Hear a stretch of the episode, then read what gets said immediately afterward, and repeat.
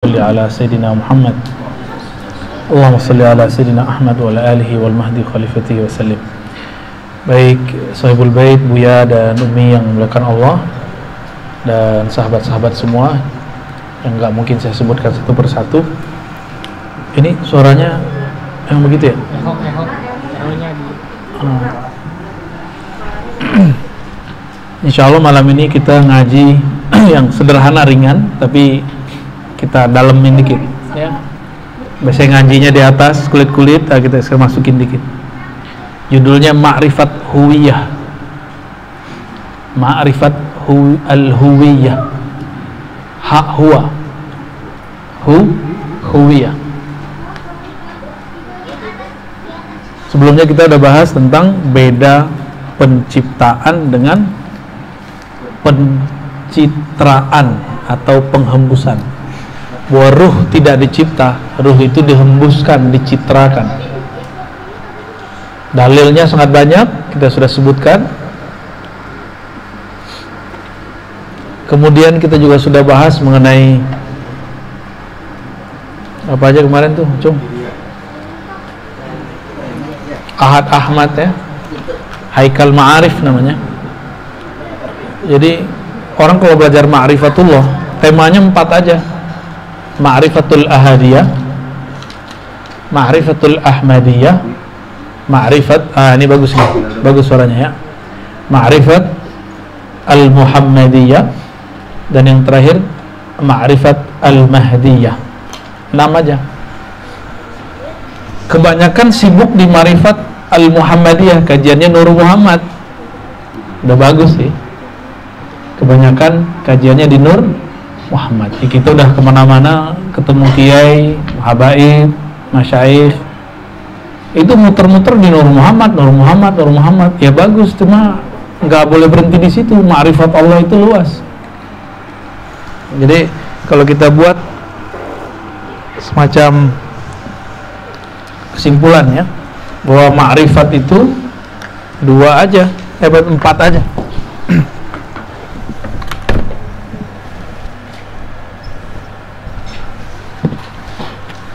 jadi kalau orang nyebut ma'rifatullah ma'rifatullah ya apa nih? Mati dia. Dead.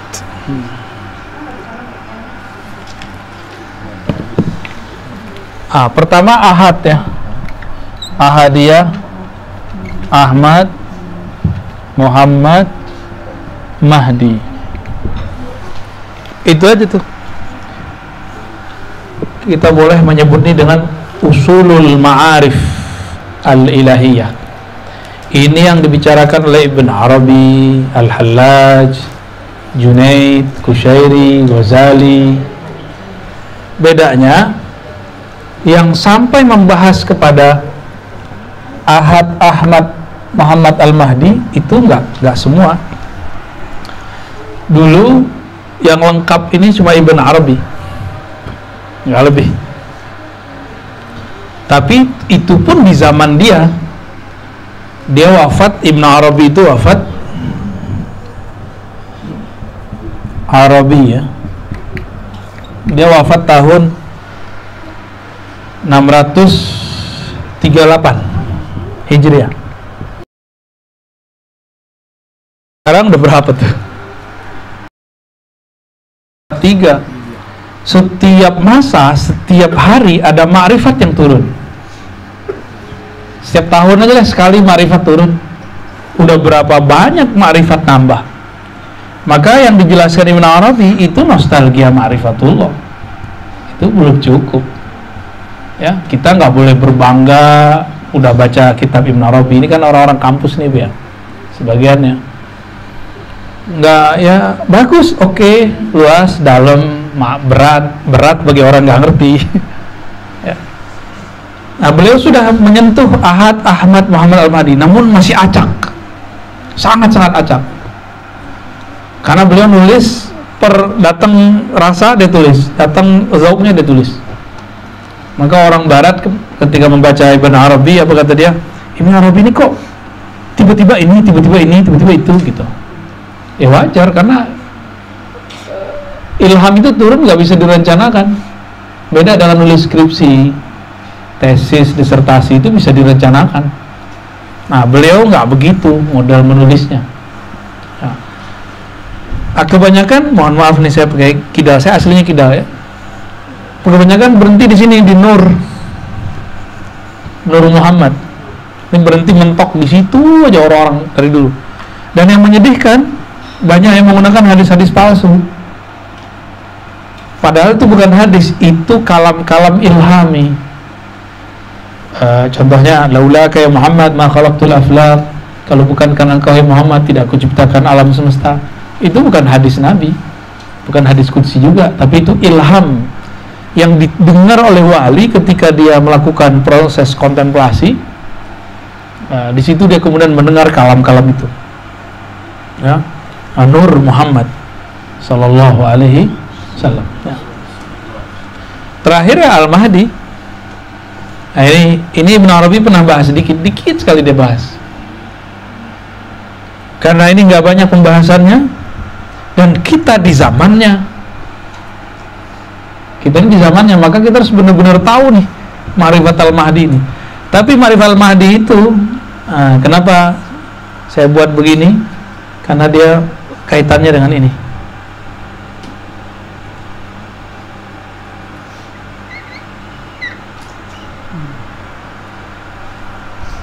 Nah, ini penting sekali.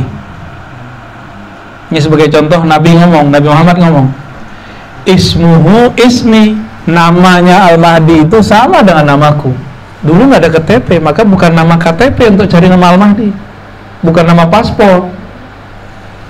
Ism dalam kitab Al-Bajuri artinya Al-Alam Al-Wasam Al-Ulu ya, ketinggian. Ketinggian al as-sumu ya. Al-Wasam berarti Al-Alam tanda. Tanda-tanda bahwa yang ada di Nabi itu ada di Al-Mahdi. Isimnya isimku. Isimku apa? Nabi Muhammad mengatakan isimku Ahmad. Kan Nabi mengatakan ana Ahmad. Kan ada hadisnya. Jadi nama beliau ini Ahmad. Nama apa? nama ruhaninya itulah dalil nama ruh bahwa nama ruh itu memang ada. Nama ruh betul-betul ada. Lalu Rasulullah mengatakan ana Muhammad ana Ahmad. Muhammad itu nama jasadnya. Ahmad itu nama ruhnya. Ya. maka Al-Mahdi juga sama. Hakikat Muhammad adalah Ahmad. Hakikat Mahdi adalah Ahad. Itu sebabnya senjata melawan Dajjal yang merupakan musuh Al-Mahdi apa? baca akhir 10 ayat terakhir Al-Kahfi isinya apa? Waman kana yarju apa? Waman Waman kana yarju liqa'a rabbih falyamal amalan salihan wala yusyrik bi ibadati rabbih ahada. Belakangnya ahada. Berarti senjata Al-Mahdi itu ada di kalimat ahad. Jadi bukan 10 ayat pertama aja. Jadi sirnya Al-Kahfi ayat terakhir itu. Wala yusyrik janganlah kamu syirik. Janganlah hendaknya dia syirik terhadapnya sedikit pun. Maka ma'rifatul mahdi ada di ma'rifat ahad. Kapan seseorang celaka? Ketika dia tidak kenal hakikat ahadiyah. Baru dia kena. Nanti dajjal ini kan mengaburkan ahadiyahnya maka kita ini sudah urgent sudah sangat urgent sekali. Harus mengenal minimal empat inilah ilmu ini. Putar-putar aja ntar kita ngaji ini semua. Ngaji ini sampai mati juga nggak selesai. Ya nggak nggak selesai. Satu huruf aja kita jelasin nggak beres kok. Ini nggak mungkin pakai ilmu huruf pakai ilmunya ilmu yang lain lagi. Yang yang bisa kira-kira membuat kita mengerti secara uh, secara gamblang ya.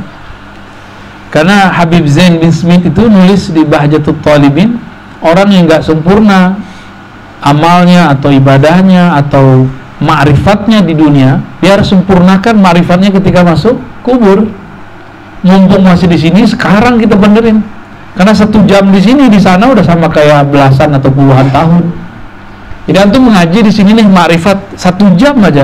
Di sana sudah jadi ulama. Jadi di alam kubur itu nanti ruh-ruh yang sudah dapat pembebasan dari Allah dari siksa, siksa kubur, kerjaannya cuma nyari orang di alam kubur yang ahli marifat.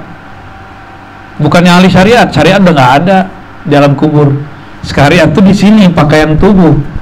Ya antum nggak bisa nyelamatin diri dengan sholat yang nggak khusyuk itu. Sholat itu hak tubuh udah. Zakat itu haknya eh, mal, harta kita kita nggak pakai itu untuk menyelamatkan diri. Menyelamatkan diri dengan apa kita hidup di alam barzakh? Dengan tubuh ini atau dengan ruh kita? Nah, ruh ini makanannya Ahad Ahmad Muhammad Al Mahdi itu aja. Ya.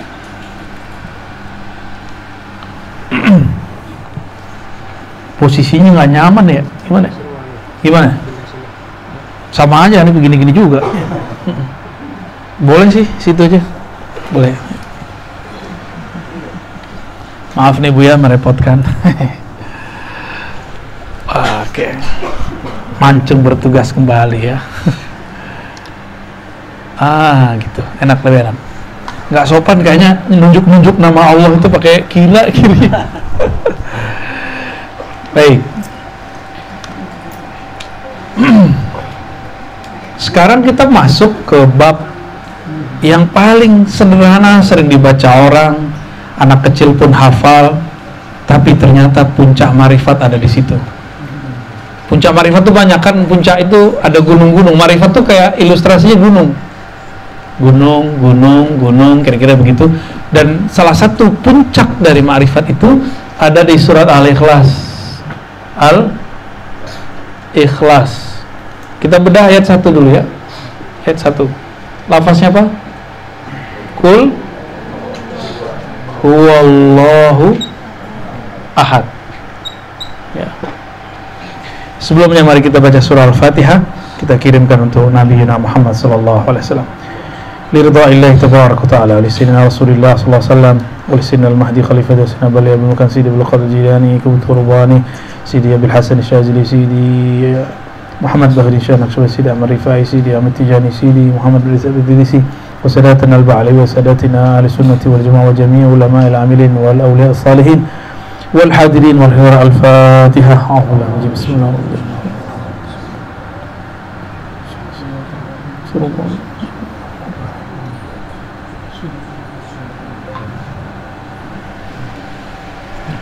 Bisa baca ya? Nggak pakai baris? Uh, nggak perlu diajarin baca kitab gunung nih. Kul huwallahu ahad.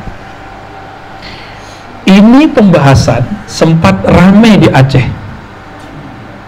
Ya, saudara-saudara saya yang bertorikot Naqsyabandiyah di Aceh sempat ramai. Saya nggak tahu apa perkembangannya, tapi ini lumayan laporannya lumayan santer. Dan saya tidak akan memihak salah satunya. Mungkin ada pemahaman yang yang belum tepat disampaikan atau kurang tepat dipahami. Sama. Kita nggak tahu mana yang terjadi. Kita husnuzon saja kepada sesama muslim ya. Nah, saya juga nggak ada urusan dengan perpecahan itu ya. Tapi saya cuma ingin menjelaskan karena ini bukan Quran milik siapa-siapa. Ini milik Allah turun kepada Nabi Muhammad untuk kita semua. Katakanlah kepada siapa Allah berbicara? Kul kepadamu Muhammad. Muhammad Sallallahu Alaihi. Ini tafsir dulu nggak usah pakai takwil dulu tafsir dulu ya. Berarti ke mukhotob namanya. Yang diajak bicara Nabi Muhammad SAW dalam ilmu ma'rifat semua kita ini dapat pancaran Nabi Muhammad Sallallahu Alaihi Wasallam maka katakanlah wahai siapa pun yang dirinya bersumber dari Nur Muhammad. Gitu. Diri kita ini dari Nur Muhammad Sallallahu Alaihi Wasallam. Bahwa dia nah kita ini kan dari Nur. Bahwasannya dia huwa adalah Allah yang ahad. Nah cara jelasin huwa bisa pakai bahasa dan ini sudah banyak kajian saya di YouTube. Apa arti huwa sekarang huwanya pakai ahad. Ya. ini ahad kan? Ahad ahmad. Ini muter-muter di sini aja ntar. Coba antum lihat nanti ya. Ahad. Saya menjelaskan sebelumnya dan sudah banyak penjelasannya. Allahu ahad. Yang hitam tadi mana coba coba cek coba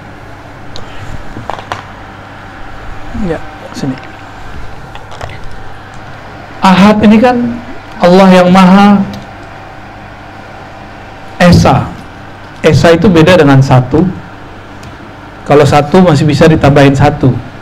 Kalau Esa ini lebih murni dari angka satu.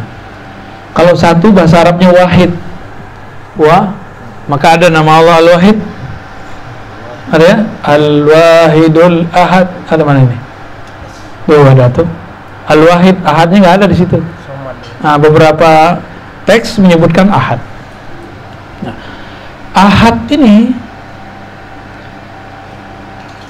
itulah nama zat yang menghembuskan nafasnya kepada satu objek yang nafasnya itu bernama Ahmad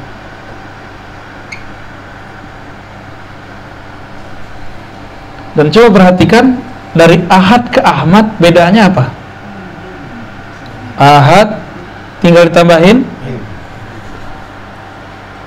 Ini ilmu huruf. Ilmu huruf itu awal dari semua ilmu. Kalau nggak ada satu huruf adakah lafaz Allah? Kalau nggak ada alif? Nggak ada. Kalau nggak ada lam jadi Allah nggak bacanya? Allah jadinya atau ilah jadi ilmu huruf itu adalah aslul ulum wal ma'arif. Awal dari semua ilmu dan ma'rifat. Tapi semua huruf ini bersumber dari satu titik. Nah titik ini dari situlah mulai kita nulis. Benar nggak? Saya kalau mau nulis nih kalau belum nitik bisa nggak? Bisa nggak langsung ini? Nggak bisa. Nitik dulu. Baru kul. Yang itu. Nitik dulu baru bis maka sebenarnya satu satu lingkaran lingkungan begini itu berapa titik sebenarnya kalau di kalau diginiin? Banyak kan ini? Alif coba alif. Dibuat titik. Banyak titiknya. Dalam nama dalam ilmu marifat ini bisa disebut tujuh bisa disebut sembilan titik. Dan itu ada rahasia-rahasia sendiri. Dan ini bukan cocok logi ini memang ilmu dari sononya ya dari sononya begitu nah, jadi perbedaan min ini sangat berbeda sekali ahad dan ah ahmad jadi jangan main-main dengan ilmu huruf Kenapa Allah turunkan alif lam mim? Karena satu huruf ini ber berharga. Kok beda dengan ro alif lam? Wah, itu penggunaannya ada semua. Ntar kalau aneh kasih kantung takut takut jajan nanti. Ya, salah pakai ntar. Ya, nggak boleh aneh kasih. Ya. kalau kita kasih ntar jajan mulu ntar ya. Tahu jajan maksudnya? Itu dipakai tunggang benar. Nggak mau ah ngasih. Makanya saya bertanya berkali-kali ke teman-teman saya, alif lam mim. Kalau kulhuwahat kan bisa dijelaskan apa i'rabnya, gramatikalnya. Alif lam mim gimana jelasinnya? Ada penjelasan i'rabnya? Tolong jelasin dong. Maka nggak bisa pakai i'rabnya orang Kufi, orang Basri, i'rabnya si Bawai kan yang bikin ilmu gramatikal si Bawai namanya sama Kisai Imam si Bawai Imam Kisai beliau ini berdua mencoba meramu merumuskan gramatikal Quran. Tapi beliau-beliau itu nggak pernah berhasil menjelaskan alif lam mim. Ya nggak pernah. Karena itu bukan gramatikal bumi itu gramatikal langit. Ya nggak cukup pakai nahu bumi dia harus pakai nahu langit. Nahu sorot. Kalau antum coba-coba juga jadi sarap. Ya hindari itu kita nggak nggak bermain di situ. Jadi ikutin aja ya. Ahadun. Ahad alif ini aja. Ini nggak disebut hamzah kalau di ilmu huruf. Disebutnya alif. Tapi dalam kita nulis hijaiyah disebut ham. Kita nyebutnya alif. A nya itu apa? H nya apa? Eh, semuanya ada dalam ilmu ini. Tapi saya nggak jelasin itu ya. Saya cuma jelasin bahwa ahad ini menghembus hembusannya bernama Ahmad. Boleh dihapus cung yang lingkarannya cung semuanya semuanya dihapus. Sisa ini aja. Ini sekedar mengingatkan karena ada yang baru lagi yang datang kan? Kita akan menjelaskan sebelumnya bahwa Allah meniupkan ruhnya kepada jasad.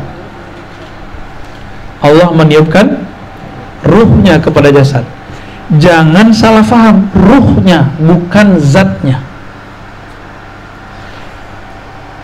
Tadi saya mengatakan ahad menghembuskan pada apa menghembuskan pertama kali hembusannya itu bernama Ahmad. Hembusan itu itulah yang disebut ruh. Maka bernamalah ahad itu ruhullah jadi kalau disebut aku aku hembuskan dari ruhku, aku menghembuskan dari roh Allah yaitu ah bukan dari Ahmad langsung, dari Ahad langsung enggak. Jadi rohnya antum ini mau Habib, mau Ahwal sama kita semua. Beda cuma nasab aja. Ini ngomong begini mohon maaf nih Bib, jangan dibilang suladat terang ya. Ya, mohon maaf Bib. Ya. Dalam bab ini sama kita bahwa hembusan ini namanya Ahmad. Maka semua kita ini ruhnya Ahmadi. Ruhnya kita bernama Ah Ahmadi. Pecahan dari ruh inilah menetes di sini. Jadilah kita. Tapi kita eh, di sini ada macam-macam dari tetesan itu. Di sini dibagi tiga. Ada yang hakiki hakiki ada yang bayangan. Nah bayangan yang berat nih. Ada yang palsu. Palsu bayangan beda. Beda nggak? Coba bayang-bayang punya nggak? Bukan bukan hanya bayang ini coba ngelihat di depan cermin. Persis nggak sama? Sama persis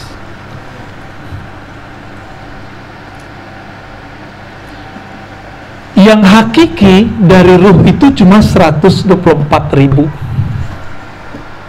Yang hakiki. Tapi nggak usah sedih. Dari satu ini bisa mecah jadi satu juta. Bisa jadi anaknya bisa jadi muridnya. Jadi kalau antum mandang dengan mata ruh terus melihat pesantren atau majelis zikir ada kiai ngajar muridnya. Itu muridnya pecahan dia semua itu. Makanya si, si kiai nggak boleh sombong. Emang dia ditugaskan jadi ya titik itu satu terus nyebar nyebar nyebar gitu.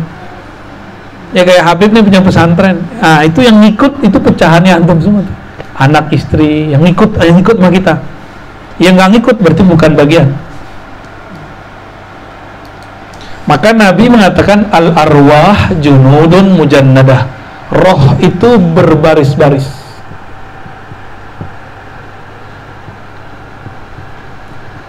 Apa arti roh itu berbaris-baris? Hadis Sahih Muslim. Roh itu ngumpul bersama yang dia kenal. Junud, ah, lafaznya junud. Junud bahasa Arab artinya tentara tentara itu ada pangkatnya. Maka yang sepangkat baris dengan sepangkat. Atau yang tinggi terus di belakangnya yang di bawahnya. Gimana cung? Satu kalau kayak apa kapten gitu ya. itu berapa ininya? Pasukannya berapa? 10 kalau danton peleton itu 10 10 peleton kapten nih contohnya kapten ini belakang dia ada 10 proton. Bener? Satu proton berapa, Cung? Proton 12. 12. 13 sudah sama Danton komandannya berarti 13 13 13 kali 10 130 jadi satu kapten punya pengikut 130 ah sama nih Nabi ngomong begitu contoh aja nih Ini contoh aja bahwa ketika hadis ini Nabi buka kok banyak orang nggak ngeh dengan maknanya al arwah junudun. Jadi strata itu nggak boleh ada sebenarnya di badan ini. Yang ada itu di strata ruh. Siapa yang urus Allah. Yang urus gitu. Nah kita di mana nih? Jangan minta pangkatnya. Kita jadi yang hakiki aja udah cukup. Hakiki artinya apa? hak dia asli benar sejati benar. Jadi roh yang netes ini 110 ribu itu yang sejati. Selebihnya bayangan tim hore. Jadi jangan mau jadi tim hore harus ikut berjuang. Mencari ilmu ini mempertahankan ini supaya kita nggak cuma menjadi bayangan. Bayangan ini mirip banget persis sama tapi bukan dia namanya kita kalau di depan cermin kebalik nggak mukanya kebalik dan ini ujian berat sekali bagi orang-orang yang masuk ke dunia spiritual ya tapi kalau mau mau tinggi ya harus ada nggak orang naik kapten nggak ada ujian cung nggak ada kalau di polisi apa namanya? Kapten itu? ya Ya? AKP ya. AKP. AKP ya. Pasti ada ujiannya nggak? Ada sekolahnya? Uh, Macam-macam ada pemeriksaan, ada kelayakan. Masa jadi wali nggak di nggak diuji? Ya. Banyak yang nggak lolos. Udah mau naik jatuh. Ketika jatuh dia berkhianat banyak juga. Ada nggak teman ente yang berkhianat? Ada. Jelek-jelekin teman-teman ente juga sekarang. Sama ya. Nah ini ini penting sekali. Jadi kita ini ruh yang mana nih hakiki, bayangan atau yang palsu?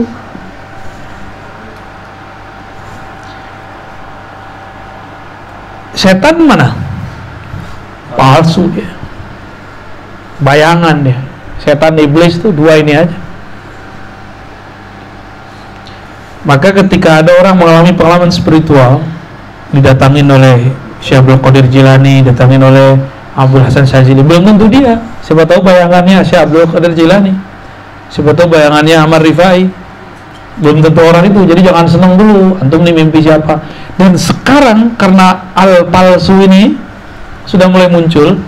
Palsu itu bahasa Arabnya dajjal. Dajjal itu bahasa Arab artinya palsu bohong Nabi Isa turun nggak di hadis turun. Sebelum dia betul-betul turun akan banyak orang mimpi Nabi Isa. Karena Nabi Isa itu bagian dari ruhullah yang hakiki. Jadi Nabi Isa bagian dari sini bukan ini dia dia bukan Ahmad. Dia bagian yang di sini. Maka Isa ruhullah maksudnya Isa bagian dari ruhullah. Bagian dari Ahmad. Jangan heran nanti akan banyak sekali orang bermimpi ketemu Nabi Isa. Tapi itu bukan dia. Yang tidak diserupakan oleh syaitan cuma satu sosok Nabi Muhammad sallallahu alaihi wasallam. Maka tolong kalau antum mimpi Nabi Ibrahim, Nabi Idris, belum tentu dia apalagi Nabi Isa nanti Nabi Isa ini paling banyak kasusnya yang saya tangani itu banyak banget ya baik online baik langsung itu banyak dan udah banyak yang tergelincir. Sudah banyak ya. Jadi saya ingin mengabarkan siapa pun anda antum ya saudaraku yang mimpi di mana pun berada yang online offline yang mimpi bertemu Nabi Isa sebut ahad Ruhullah Ahmad Ruhullah. Baca itu. Jadi kalau ketemu baca Ahmad Ruhullah. Nanti dia pergi itu hilang. Ahmad Ruhullah. Ahmad Ruhullah Ahmad Ruhullah. Udah nggak usah perhatiin dia ya jadi lafaz Ahmad Ruhullah itu bukan lafaz biasa. Itu adalah syahadat di alam sebelum alam ini ada. Masa sebelum masa ini ada. Ahli kalam enggan menyebutnya alam mereka menyebutnya azali. Kita ini kan alam penciptaan nih. Sebelum ini disebut namanya azali. Itu adalah dimensi arwah. Ruh-ruh semua di situ uh kebanyakan coretan nih cung. Bingung nih kita mau dari mana. Balikin ini sisa ini aja. Jadi ketika kita membahas tentang Ahad Ahmad ini sudah se separuh ma'rifatullah. Makanya sebenarnya ini pembahasan tidak ada habis-habisnya kita ngulik-ngulik di sini nggak ada habisnya. Hubungannya Nur Muhammad apa tadi? Ahad, Ahmad. Ketika Allah memandang kepada ruhnya, ruhnya itu kemudian berkeringat. Ini bahasa. Keringat ketika terlihat oleh oleh oleh cahaya sang maha cahaya memantulkan cahaya nggak? Ya muka saya ini kalau berminyak kena lampu mengkilat nggak? Jadi Nur Muhammad itu adalah pan, apa, kilat mengkilat yang muncul daripada Ahmad saat dipandang oleh Ahad. Itu. Jadi Allah memandang kepada Ahad Ahmad maka muncullah kemudian nur mu nah, itu yang jumlahnya tadi 124 ribu ya. Maka jumlah Nabi 110 ribu jumlah sahabat 110 ribu. Nanti jumlah wali-wali besar wali-wali abdal dan kutub itu digabung 124 ribu. Sama. Tapi tenang akhir zaman kuotanya ditambah. Karena satu kutub dipecah. Satu abdal dipecah oleh Allah. Ada jadi autad, ada jadi munfarid macam-macam nama wali. Nama pangkat kewalian. Nah, dari kewalian itu dan pangkat kewalian bukan empat. Pangkat kewalian itu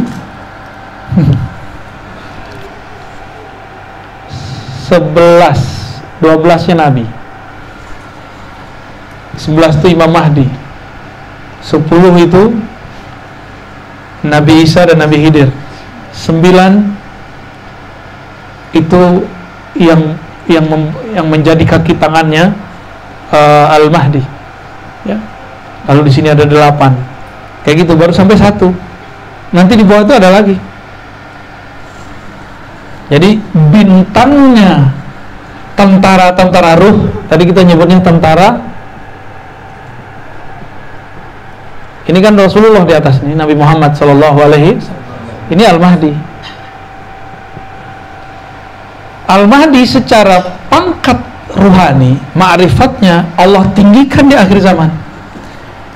Nabi-nabi terdahulu hanya diberi 10 Walaupun dia nabi secara makom lebih tinggi tapi kepangkatannya di sini beda di akhir zaman pangkatnya dilainkan tapi tetap Al Mahdi bukan Nabi. Ya, ini perlu diingat. Ya, ini cuma kepangkatan kepangkatan aja. Nah nanti ada 9 ada 8 ada 7 ada 6 ada 5 begitu terus sampai ke bawah. Ini pangkat-pangkat tentara ruh. Sallallahu alaihi wasallam. Ya. Nah, kepangkatan ini kalau kita di Soeharto buat lima ya ya jenderal. Jadi dia ada empat ditambahin bintang jenderal besar. Jenderal besar lima sama dia. Kita mikir kurang banyak nih. Masih ada lagi. Ini bintang-bintangnya ya. Nah 12 itu Rasulullah. Gak ada lagi yang lebih tinggi dari Rasulullah SAW ya. Sebenarnya 10 11 ini bergandengan di sini. Jadi kita boleh buat cung begini mereka ini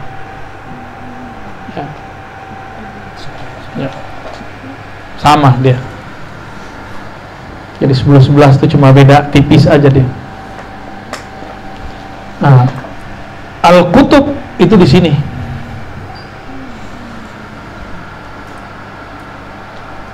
Pangkat Al-Kutub itu. Jadi 8 9 bintangnya. Tapi itu belum banyak ya. Nah, nanti mungkin Allah kembangkan bisa jadi 7 bisa jadi 6 walau alam ya tapi wali kutub di kita itu lebih tinggi nanti daripada wali kutub sebelumnya Wali kutub sebelumnya jadi wali karena amal dan taat. Sekarang antum mau pakai amal dan taat, aneh nggak yakin jadi wali. Ya, di sholat mikirin mikirin sesuatu selain Allah. Jangan mimpi. Kurang apa lagi hadis Nabi yang mengatakan la yadkhul jannata ahadukum bi amali. Kamu gak masuk surga karena amalmu. Jadi kalau dijelaskan kamu gak jadi wali karena taatmu. Ini penting sekali. Ini ada yang mulai mulai salah paham ini. Dikira menjadi wali dengan banyak sholat puasa. Banyak amal ibadah. Enggak. Dari sisa 500 tahun beribadah nggak jadi wali. Wali setan. Wali kan dua aja. Wali setan, wali ya, wali rahman. Kalau ente nggak wali Allah ya wali setan dua aja. Pilih mau jadi wali mana? ya wali rahman lah bukan wali setan. Boleh coba. Nah, ini tentang kepangkatan. Berarti di sini akan berkumpul, di sini berkumpul, di sini berapa gitu ya. Kayak gitu modelnya ntar. Ini baru ancang-ancangan penjelasannya. Ini ilmunya juga baru saya pahami beberapa waktu yang lalu. Belum belum ngerti-ngerti amat kita. Tapi ini sudah mulai dibuka oleh Allah Subhanahu wa taala ya. Wali-wali akhir zaman itu. Ngeri nih. Tapi harus dibuka mulai karena ini sudah perintah dari guru-guru masyaikh-masyaikh. Ini ilmu ini nggak boleh ditutup lagi. Ya. Udah puyeng ini ya. Tenang ini. Allahumma sholli ala Sayyidina Muhammad. Boleh dihapus? Kayaknya mau pecah nih. Biasa aja nih biasa nih ya.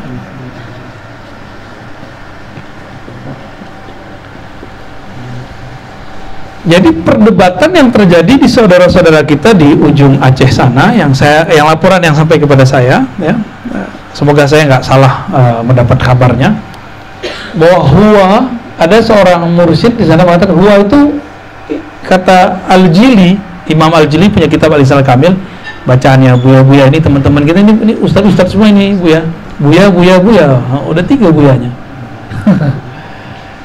huwa itu bagi bagi mereka apa bukan bagi mereka. Imam Al-Jili ketika memahami dan menjelaskan ayat ini dia tidak menggunakan bab tafsir.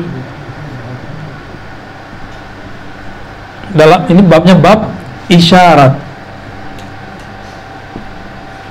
Ada namanya penafsiran isyari. Itu bukan penafsiran sebenarnya isyarat itu tergantung zauk rasa. Zauk ini tergantung kedalaman ma'rifat. Seberapa kenal orang itu kepada Allah sejalan itulah isyarat yang dia dapatkan. Dan sangat rumit bagi sebagian orang ya. Nah, ilmu tafsir cuma menjelaskan yang tersulit yang, yang, yang tertulis. Huwa huwa isim domir kata ahli tafsir kata ahli syarat ente salah. Huwa itu bukan kata ganti untuk Allah. Selain Allah huwa kata ganti. Huwa itu hi ini kan kalau itu bahasa Inggrisnya hi dia. Selain Allah huwa itu kata ganti. Tapi untuk Allah huwa bukan kata ganti. Huwa ismun minal asma. Nama dari nama-nama Allah. Nih harus digaris bawah ya. Jadi jangan pakai gramatikal yang cetek itu mau baca huwa ya. Karena banyak juga yang pakai gramatikal yang cetek gitu ya. Masa cuma pakai ujurumnya doang mau baca huwa kan? Nggak cukup.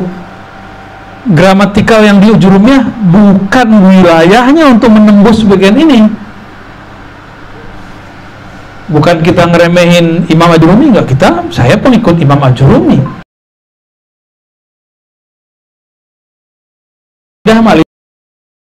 di kalangan katakan huwa Allah. Allah. Zat ganti. Bisa nggak permulaan kalam kalimat? Mulanya ya adalah seorang. Itu kalimatnya nggak sempurna. Itu kalimat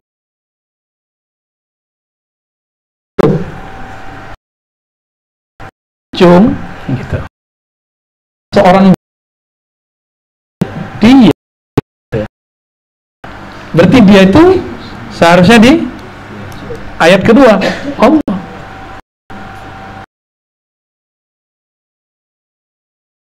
Derajatnya nah huwa di, depan di depan Allah. Benar nggak? Allah itu nggak mungkin majuin nama paket ini. Ahadun, hakikatnya Allah itu ahad. Pusing nggak tuh? Hapus semua cung, boleh cung. Kecuali yang kul huwallahu ahad.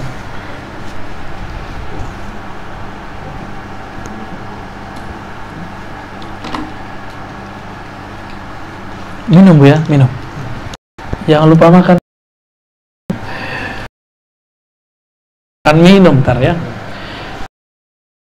Ya, Al-Jili. Ini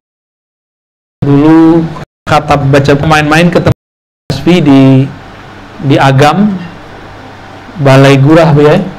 Ternyata njitnya Syekh Abdul Watif kawan daripada Syekh Sulaiman Ar-Rasuli bacaannya itu. Jadi guru-guru kita dulu bacaannya itu. Saya punya guru juga dulu Abuya Balin Marajo saya nggak tahu nama kecilnya. Ternyata bacaannya juga sama. Judul kitabnya Al Insan Al Kamil ya. Al Kamil manusia yang sempurna yaitu Rasulullah SAW nah, huwa salah satu terjemahan dia adalah Muhammad lalu ada seorang ulama di Aceh saya nggak kenal beliau ya tapi saya dikabarkan saja ada orang datang. Gimana menurut Buya? Dan saya nggak mau masuk ke polemik itu. Saya nggak ingin membela Buya tersebut ataupun orang yang menyalahkannya. Karena saya nggak tahu persoalan mereka sebenarnya apa. Saya cuma ingin mengkaji kitab Al-Insan Al-Kamil. Apa maksud Imam Al-Jili? Menjelaskan huwa Muhammad. Apakah dia syirik? Apakah dia mulhid ateis ah. penjelasannya kak tadi ahad menghembuskan ah Ahmad Ahmad memancarkan nur Muhammad maka Muhammad ini dialah yang menghuakan ahad apa arti huwa? Huwa itu kalau diterjemahkan dia orang yang tidak ada di depan. Objek yang tidak terlihat oleh mata, tidak terdengar oleh telinga, tidak terbayangkan oleh pikiran. Itu mana huwa. Jadi nah ini yang disebutkan dalam surat Syura. Syura ayat 11. Laisa kamislihi syai' tiada yang serupa dengan Allah itu. Nggak terbayang. Maka cukup disebut huwa. Maka huwa ini boleh artikan kalau untuk manusia itu beliau gitu. Saya baru ngerti orang Jawa orang Sunda ini kan rasanya halus. Orang Sunda itu nyebut Allah Gusti Pangeran. Benar nggak? Pangeran ya? Itu tanda cara dia membeliaukan Allah menghormati Allah subhanahu wa ta'ala. Itu ajib sekali tuh. Itu yang bikin terjemahan tuh wali juga tuh. Ya kok bisa gitu dia? Emang ajib. Bani Jawi ini luar biasa ya. Kan orang Sunda, Jawa, Melayu Bugis, Sumba, Atak semuanya itu masuk Bani Jawi. Bisa gitu mereka merasakan menerjemahkannya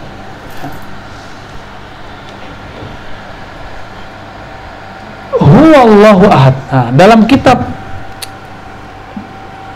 Al-Jawahirul Khamsah karya Muhammad Ghausullah Maughithul Ghausillah ini salah satu wali di kalangan ulama tarekat Syatariyah, Khalwatiyah, Qadiriyah Muhammad Ghaus namanya Muhammad Ghausillah ini menjelaskan satu ilmu huruf tadi saya memberikan pertanyaan beda Ahad dan Ahmad apa?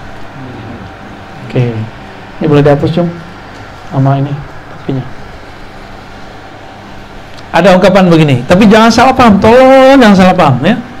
Nih, ini cuma ungkapan aja, ungkapan beliau yang saya nukil. Kitab uh, Al-Jawahir Al-Khamsah. ini bukan bab tauhid ilmu kalam ini tauhid ilmu zauk ilmu rasa ilmu ma'rifat jadi jangan mencoba menghakimi ilmu ini dengan ilmu akidah asy'ariyah maturidiyah salafiyah wahabiyah. Nggak nyambung. Nggak nyambung ya. Ini bukan wilayah ente ya. Bukan wilayah kalian. Ini wilayah lain. Di kitab ini beliau mengatakan ahad itu Ahmad bila mim. Ya Ahad itu adalah asalnya Ahmad maka disebut Ahmad bila mim Ahmad bi dengan la tidak mim Ahmad tanpa mim bacanya apa? Benar kan? Ahad bila mim, ahad tanpa mim, mim huruf mim. Mim itu huruf benar ya? Cocok apa cocok logi? Terus apa kata beliau? Ahmad itu ahadun bi bil mim. Ahad tapi ada mimnya. Mimnya disembunyikan. Kalau di sini Ahmad adalah eh, ahad adalah Ahmad yang mimnya disembunyikan. Kalau di sini mimnya ditonjolkan maka di sini ada titik temu nih mim. Ah, mim itu siapa? Mim itulah Muhammad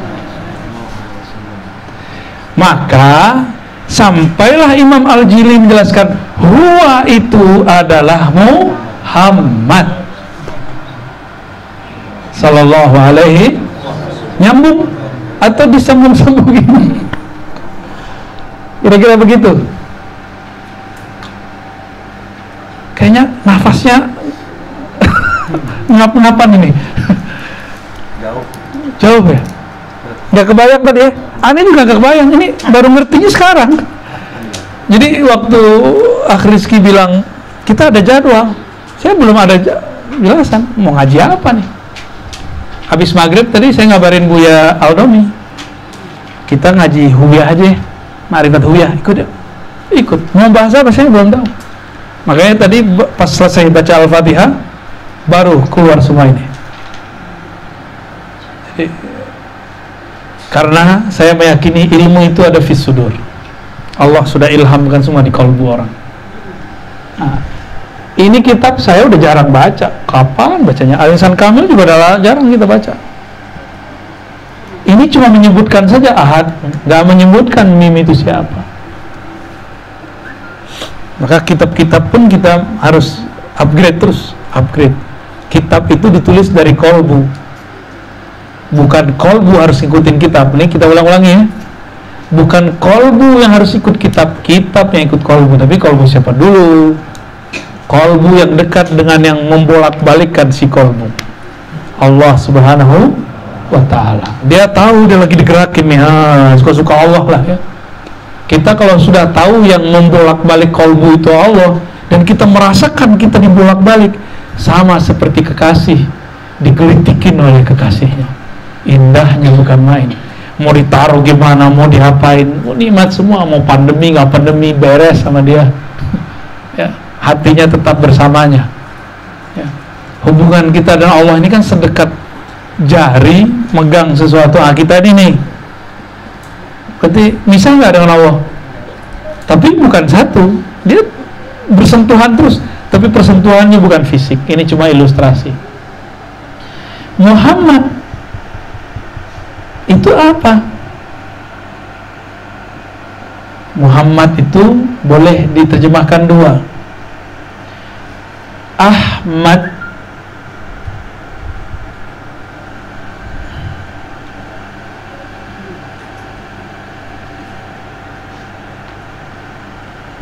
dia adalah Ahmad.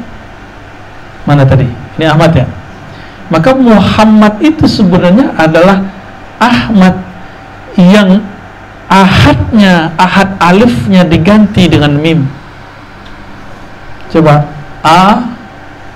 Ini alif ya? Sekarang diganti mim. Ganti nggak? Bener Allah ganti karena jika Rasulullah membawa Ahmad nanti orang nyembah beliau. Karena Ahmad itu namanya Ruh Ruhullah. Masih ingat Ahmad tadi Ruhullah? Sayyidina Isa langsung disebut sebagai Ruhullah. Maka jangan heran kalau orang-orang Nasrani menyembah Nabi Isa. Karena ada ahadnya di situ. Nah, alifnya ini. Ya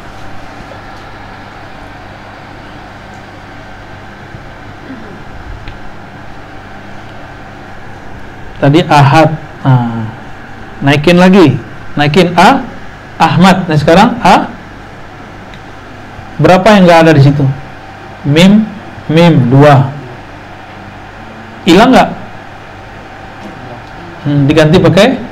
Ditambahin. Maka dua huruf ini yang bertambah. Inilah disebut hijab al-Muhammadi. Hijab Nabi Muhammad. Apa hijab Nabi Muhammad? Dalam surat An-Najm disebut fakana qaba qausaini au adna. Dua busur. Busurnya apa? Alif dan mim. Nah ntar ketemu tuh alif lam mim kenapa? Alif dan mim. Jadi ilmu huruf. Alif dan mim ini diibaratkan dengan dua busur jadi kalau ada orang nanya adakah penghalang tabir hijab antara Nabi Muhammad dan Allah? Ada. Kalau nggak ada maka Muhammad itu Allah. Kan gawat nggak boleh gitu. Jadi jika orang bilang Nabi Muhammad nggak ada penghalang dengan Allah uh bisa bisa ateis dia. Bukan ateis lagi nggak tahu deh. Namanya apa lagi? Jika tidak ada penghalang Muhammad dan Allahu Ahad maka tiada lagi beda Ahad Ahmad dan Muhammad. Dan ini nggak boleh. Nggak boleh disebutkan. Disebutkan bisa jadi zintik orang yang mendengarnya. Tapi kalau orang yang mendengarnya sampai kepada makom itu dia tidak masalah. Ah, Imam Al-Jili sampai di makom ini maka dia boleh mengatakan huwa itu Muhammad. Jelas sama dia mana yang disebut mim itu. Ya. Tapi kalau yang belum cukup katakan Imam Jili berkata huwa itu Muhammad. Sekedar menukil boleh. Kalau belum sampai ke makomnya jangan dijelasin dulu. Ini makom bukan urusan tua sama muda. Bukan urusan torikot ente apa. Nggak ada urusan ini masalah anugerah. Allah maunya apa? Allah maunya anak muda anak muda. Allah maunya tua tua. Allah maunya orang dulu dulu. Terakhir terakhir. Suka Allah. Jangan bilang eh situ siapa? Umur masih muda kok bisa ngomong begini? Bukan masalah itu. Ya. Situ tua salah juga. Muda apalagi? Bukan umur biologis. Kita lagi nggak ngomongin umur KTP kita lagi ngomongin tentang ilmu marifat yang yang menutup nutupin udahlah marifatnya nggak dalam ditutup tutupin ya lewat antum. Ya. Kan kita diprotes nih Bib. Diprotes kita Bib. Rozi ini kok buka-buka rahasia? Loh ini bukan rahasia lagi udah ada kitabnya. Kalau udah ada kitabnya masih rahasia nggak? Udah ada di al, al, insan kamil udah ada di al Juhal. masalahnya ente baca nggak atau enggak oh saya mursyid mursyid PA namanya. Mursyid kok nggak ngerti kebeginian protes lagi. Kan jahilnya udah berlipat-lipat tuh namanya. Bukan merokap lagi. Ah, mudoaf. Dia kayaknya sebel juga ya. Kalau jahil mudoaf artinya apa? Jahil berlipat-lipat. Ya gak ada masalah sih ya. Kita kita kalau ada orang yang ketika membahas ini dia kalau nggak ngerti dia diam aja. Itu lebih baik daripada dia ingkar. Nah ingkar gawat ya karena ini membahas tentang ahadnya. Ada orang ingkar pun bagi saya nggak masalah. Cuma kalau dia bawa kitab ayo. Bagi kitab juga. Dia bawa ayat ayo. Kan sudah ada yang bawa bawa ayat ke kita. Kita kasih lagi ayat bingung dia. Oke, ini ini beberapa pengantar ya. Sudah dadanya kayaknya udah berdebar-debar dari tadi ya. Kok bisa?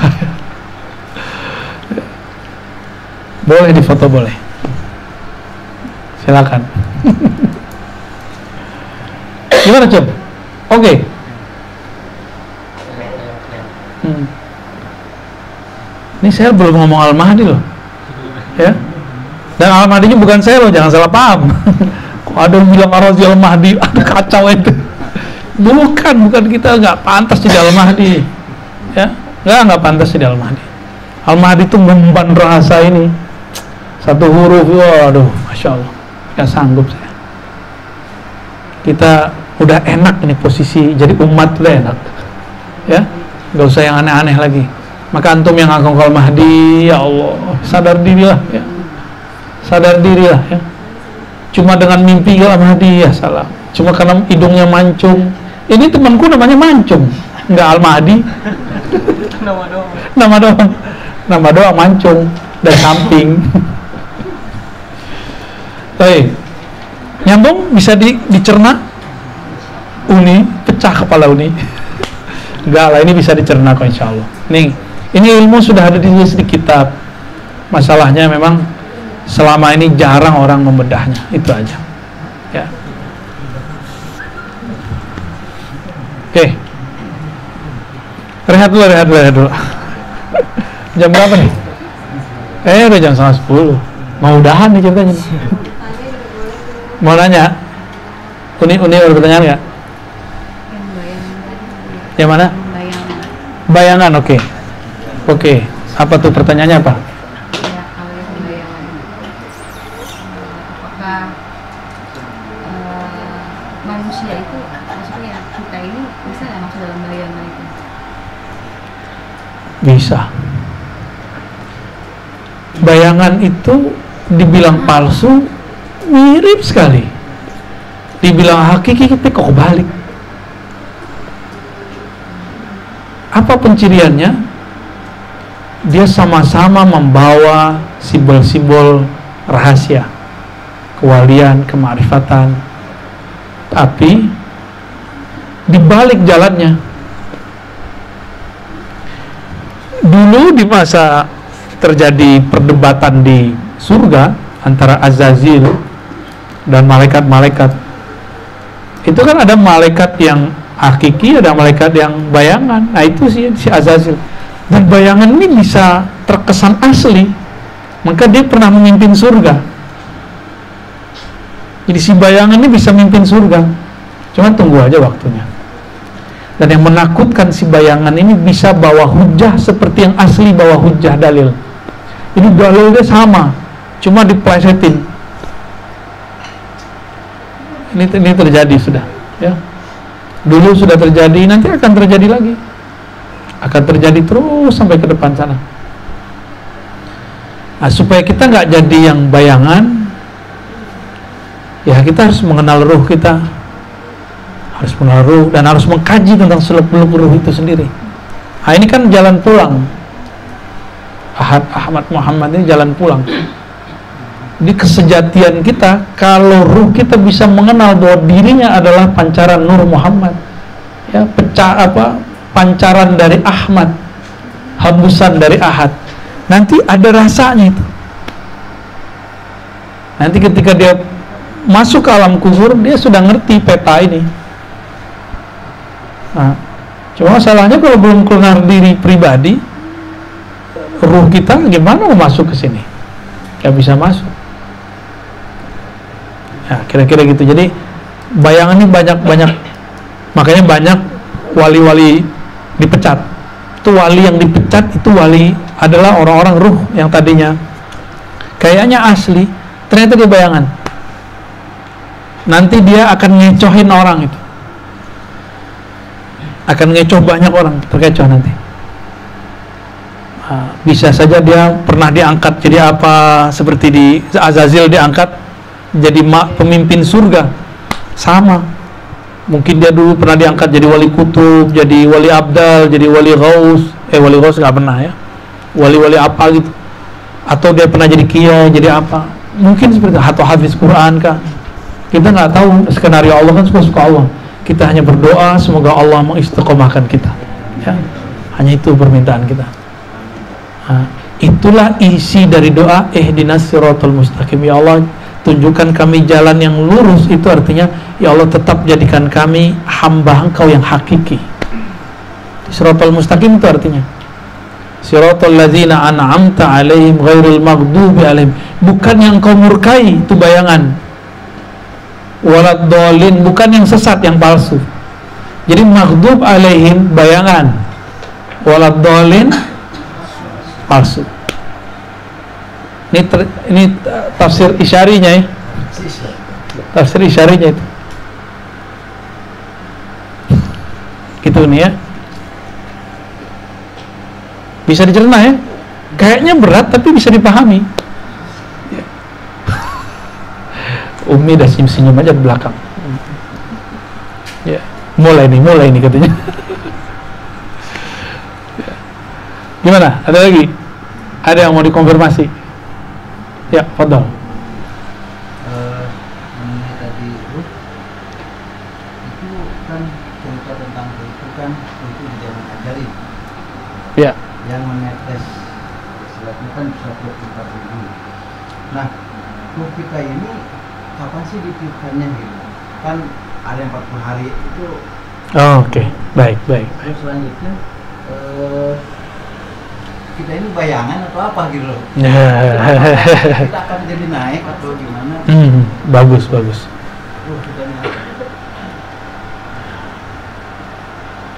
Kita jadi pecahan yang hakiki boleh tapi bayangan jangan ya. Pecahan yang hakiki boleh. Bayangan jangan palsu jangan. Jadi pasukannya yang 124 ribu lah minimal. Kalau nggak jadi yang yang hakikinya yang pertama pertanyaan pertamanya tadi bagus ruh itu ditiupkan ke badan ke janin itu ya itu kapan Nah, di hadisnya memang ada dua. Pertama di hadis Muslim itu satu bab. Di hari ke-40-an. Jadi 40 terjadi perkawinan, 42, 43 lah. Itu sudah ditiup. Ini di riwayat Muslim. Ada juga riwayat 45. Ya, terserah. Tapi di riwayat Imam Bukhari dikatakan 3 kali 40 40 kali 3 120 hari usut punya usut sepertinya ada gelom ada proses dalam peniupan itu hari ke-40 itu kata dokter adalah hari integrasi antara organ-organ vital di dalam badan. Jantung, otak, paru itu di hari ke-40. Dia si irama satu komando. Itu versi dokter. Integrate ya. Apakah itu maksud hadis 40 wallahu alam. Lalu bagaimana dengan 40 kali 3 tiga ya? Tiga bulan empat bulan ya? Empat bulan ya? Nah saya cenderung ke 40 ini. Cenderungnya itu. Makanya bagi saya kalau udah udah terjadi udah telat haid satu minggu aja dah. Itu berarti udah udah jadi tuh. Udah jadi tuh. Maka menggugurkan bayi haram hukumnya kecuali difatwakan dokter minimal dua dokter yang agamanya lurus. Dua dokter yang agama agama di sini artinya akhlak. Akhlaknya benar bahwa dia profesional. Yang profesional dan dia ada dua orang dan memfatwakan ini berbahaya bagimu kamu boleh gugurkan atau harus gugurkan. Boleh boleh, boleh gugurin. Ya. Gitu pak ya. Kalau hubungannya dengan ajali. Hur, ngeri ngeri pertanyaannya. Oke ya boleh dihapus yang situ itu udah udah ditulis? Ahmad Bilamim Ahad bil mim. Ya boleh.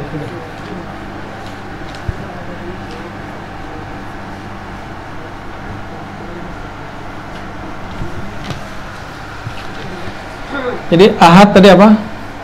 Menghembuskan. Jadi ah. Ini kita ulang terus biar ingat.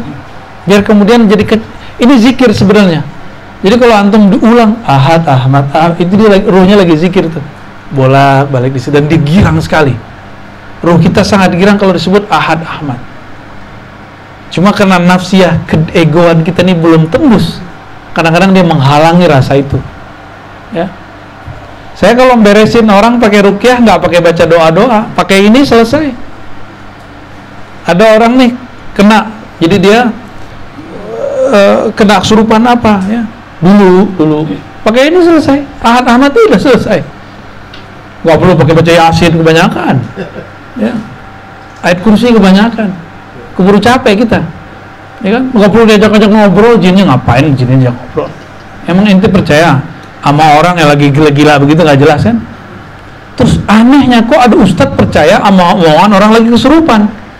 Ini yang bahlul ente apa orang yang kesurupannya? ya kan? Lucu gak tuh? Bagi saya itu paling lucu, paling aneh itu, paling bahlul lah. Mohon maaf ya para para aktivis, saya nggak bermaksud merendahkan anda, saya pengen anda waras saja ya. Ahad Ahmad, jadi mau ini Nur maksudnya Nur ah Nur Muhammad inilah kemudian menetes ke kita dari sinilah ditiupkan. Ini azali. Ini azali. Ini kodim. Ahad ini kodim. Beda toh kodim dengan azali? Beda. Kalau orang ahli akidah disamain nama dia kodim azali. Lo untuk apa lafaz ini ada dua? Kalau lafaznya beda, berarti dia beda di. Kodim itu cuma ada zatnya, belum ada penamaan-penamaan seperti yang kita tahu sekarang. Maka sebenarnya Ahad dari Ahmad, ya.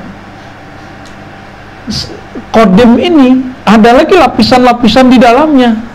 Apa masa sebelum masa, masa sebelum masa kodimnya pra-pra begitu oh, ya, hanya Allah yang tahu lah kalau dibuka itu ya. Nur Muhammad ini netes ya. Nah, masuklah ke janin.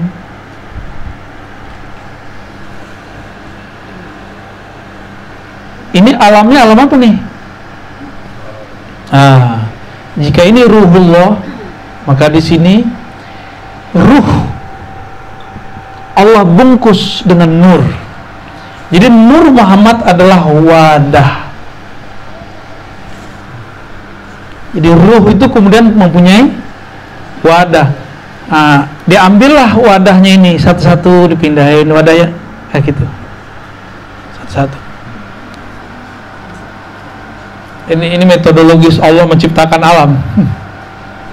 Nah, ini ada nurnya yang macam-macam. Ada yang kemudian jadi hewan, ruhnya ada yang masuk ke hewan, ada yang jadi tumbuhan itu macam-macam ruh nanti ruh kan ada macam-macam di sini di beberapa kajian saya jelasin ada ruh namanya ruh. Kalau versi kitab Imam Abdul Qadir Jilani aja ya karena itu semua orang udah terima. Ruh kudsi boleh dicatat. Ruh kursi itu ruh sejati yang tadi ditanya. Bisa nggak kita ini berubah jadi bayangan? Bisa ya. Ruh kud Ruh Kudsi yang tidak diatur oleh sisi kebinatangan dan sisi emosi, sisi syaitani di dalam dirinya. Nah disebut kud, Kudsi. Dia masih murni. Dia punya syahwat, tapi syahwatnya ruhnya yang ngatur. Punya syahwat nggak itu, Cung? Punya. Semangat an. Semangat nih mau jawab kita.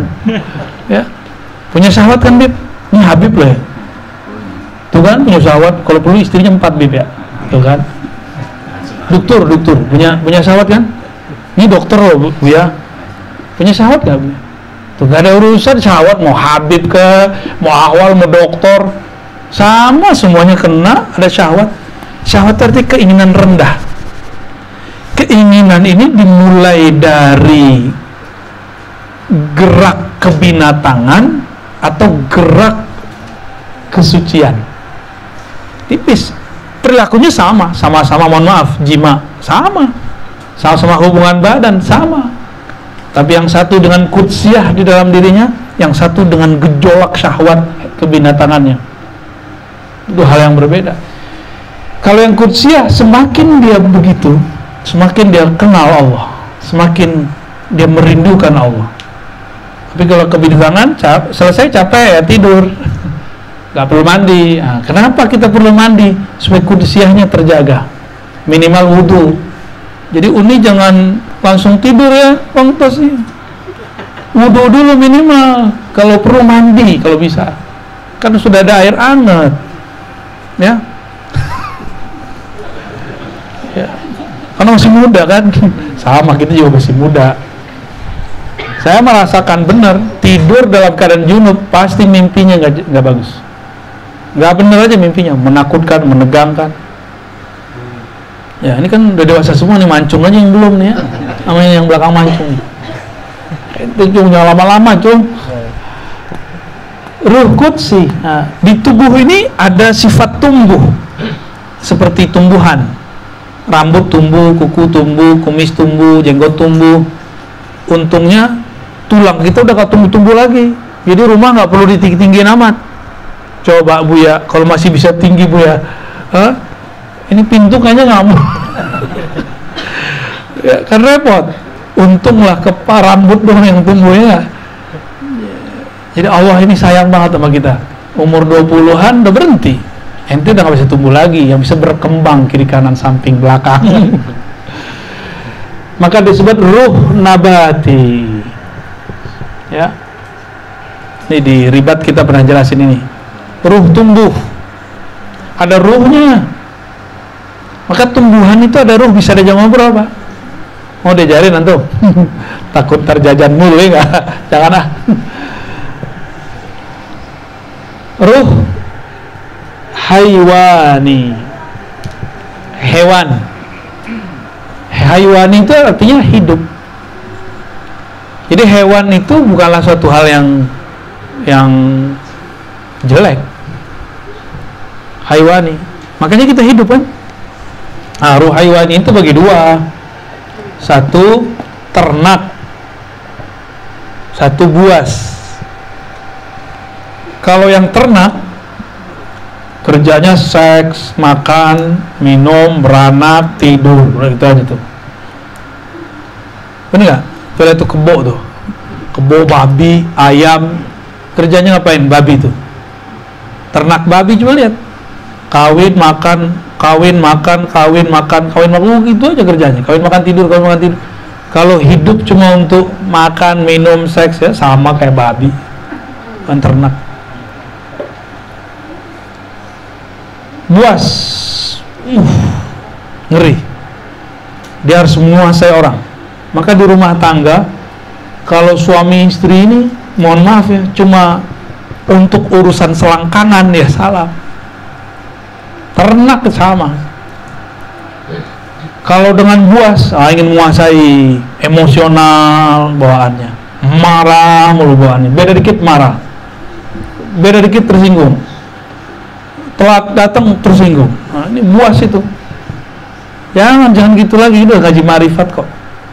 Ya udah ngaji marifat jangan begitu lagi. Kita sekarang harus berkutsi kemurnian kelembutan Kudsi itu inilah yang Allah mulai ulang-ulang. Bismillahirrahmanirrahim.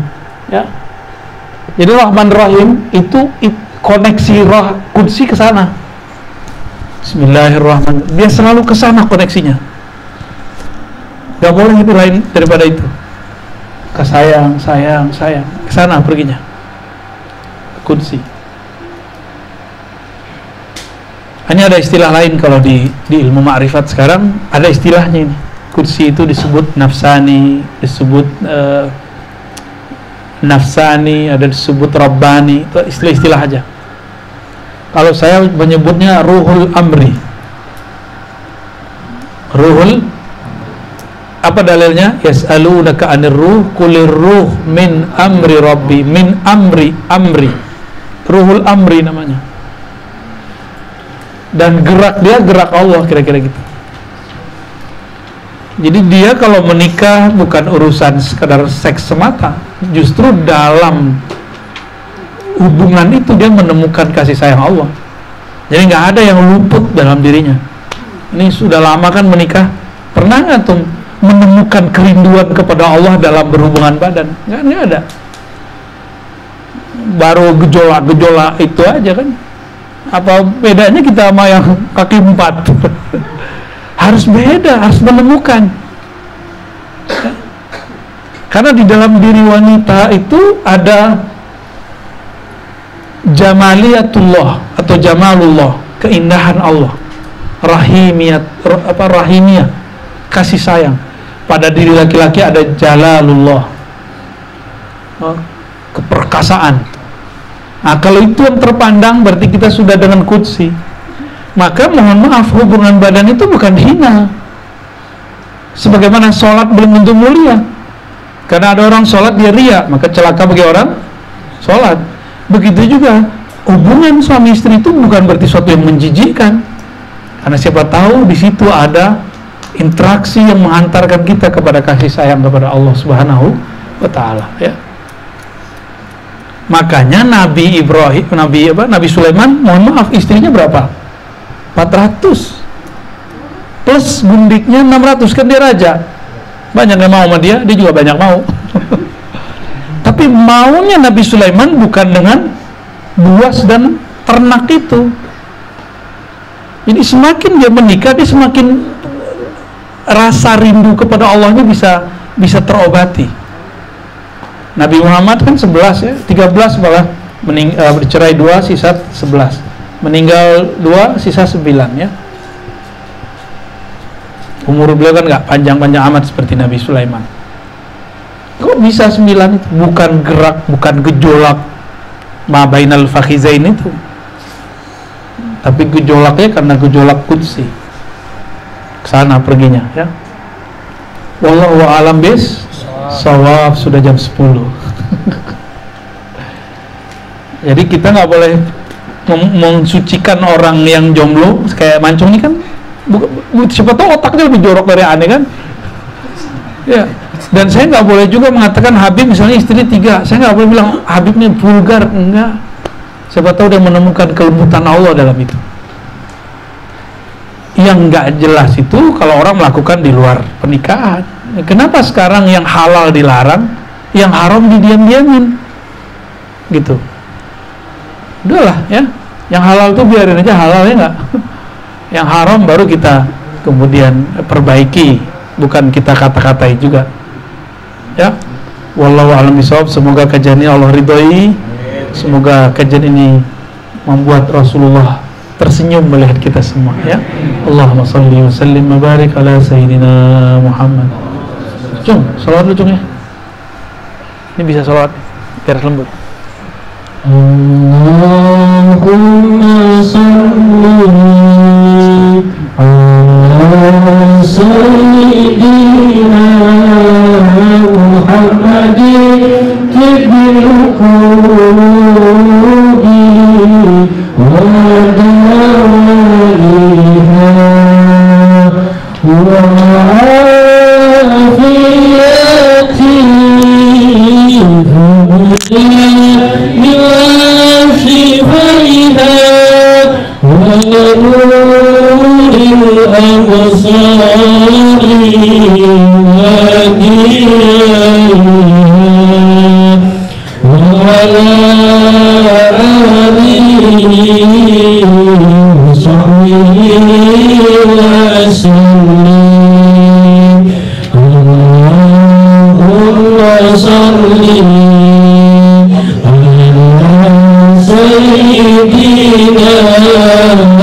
محمد تب القلوب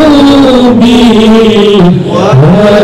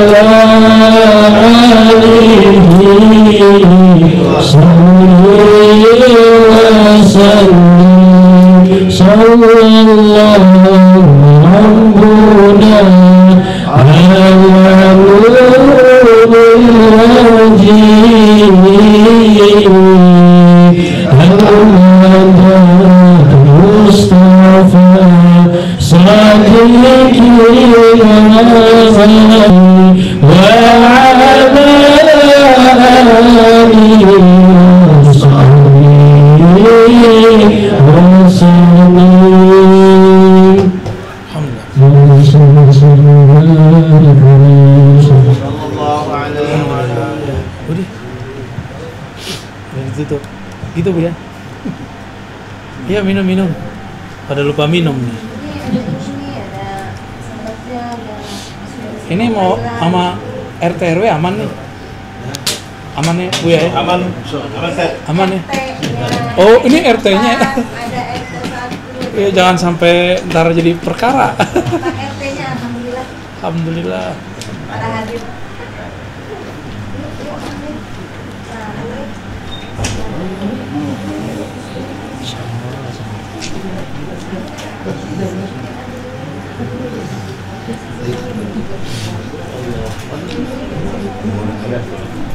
Yang kemarin Kalimantan siapa Bu ya?